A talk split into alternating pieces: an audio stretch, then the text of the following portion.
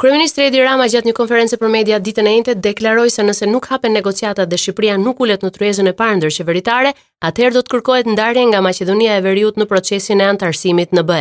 Kreu i qeverisë u shpreh se shumë njerëz besojnë që Shqipëria do ta zhvillojë konferencën e parë ndërqeveritare këtë vit, megjithatë ai vetë nuk është optimist për këtë. Ne Do të presim vendimmarrjen e Këshillit Europian.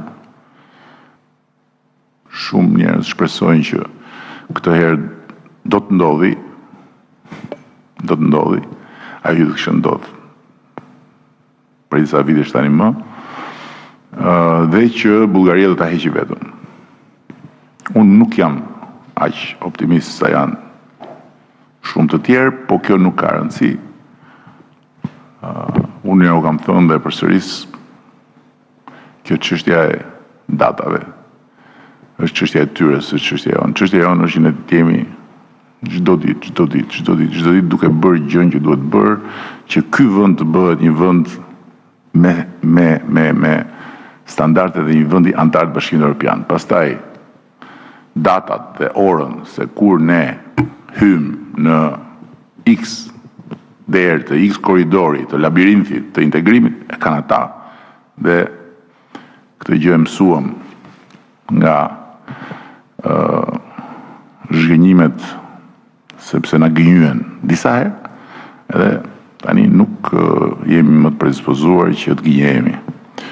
Por në në momentin që kjo nuk do të ndodhë, ne do të fillojmë një do të ndryshojmë kursin komplet. Kursi ynë do të jetë komplet i ri.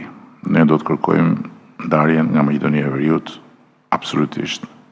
Ish kryeministri Sali Berisha lë të hapur mundësinë e negociatave për çështjen e presidentit vetëm nëse mazhoranca i jep opozitës mundësinë e propozimit të emrit të ri të kreut të shtetit. Vendimmarrja thotë se i takon Këshillit të ri kombëtar të Partisë Demokratike që pritet të dalë nga Kuvendi i datës 30 prill. Në të kundërt, prerazi ai konfirmoi se nuk do të pranojë asnjë emër të kryeministrit Rama. Berisha komentoi edhe deklaratën e bërë nga ambasadorja amerikane Yuri Kim pas takimit që zhvilloi me kreun e grupit parlamentar Enkeled Alibeaj. Këto deklarata Berisha i bëri pas mbledhjes së Komisionit të Rithemelimit që diskutoi për afro 2 orë lidhur me riorganizimin e brendshëm të Partisë Demokratike për zgjedhjet e 20 prillit ku do të votohen 71 krerët e rinj të degëve në rrethe. Berisha ftoi këdo të bëhet pjesë e garës duke garantuar proces transparent përmes të cilit tha se cilido që do të ketë dyshime për shkelje të rregullave statuore do t'i nënshtrohet auditit.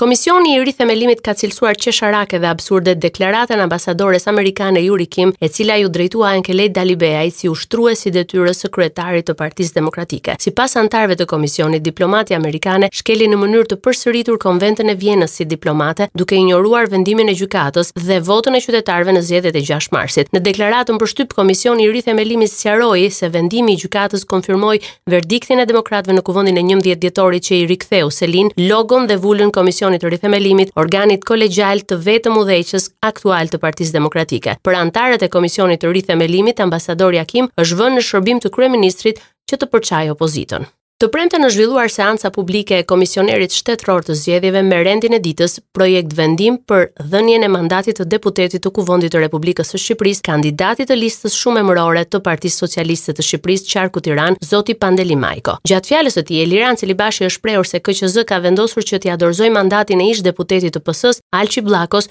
për Pandeli Majkon. Kujtojmë se Bllako dorëzoi mandatin e tij pas kërkesës së SPAK për arrestimin dhe përfshirjen në aferën e incineratorëve të Fierit. Më herët Pandeli Majko ka pranuar mandatin e lënë nga Alqi Bllako. Ai ka dorëzuar në Komisionin Qendror të Zgjedhjeve edhe formularin e dekriminalizimit. Kujtojmë se në qeverinë e kaluar Pandeli Majko ka mbajtur detyrën e ministrit për diasporën. Ndërkohë, ai ishte i renditur i 19-i në listën e PS-së, ndërkohë që selia rozë fitoi vetëm 18 mandate në kryeqytet në zgjedhjet e 25 prillit. Finalizimi i marrëveshjes për njohjen reciproke të sigurimeve shoqërore mes Shqipërisë dhe Kanadasë i shërben mbi 20.000 shtetasve shqiptarë. Sipas drejtorit të Institutit të Sigurimeve Shoqërore, vendimi hyn në fuqi në gusht. Sipas tij, marrëveshja është konkrete mes Shqipërisë dhe Kanadasë dhe mbi të gjitha i shërben qytetarëve që respektojnë ligjet e të dy vendeve. Instituti i Sigurimeve Shoqërore bën të ditur se vijojnë negociatat me Italinë dhe Greqinë për njohjen reciproke të sigurimeve shoqërore, çfarë do të sjellë edhe një marrëveshje konkrete brenda pak muajsh.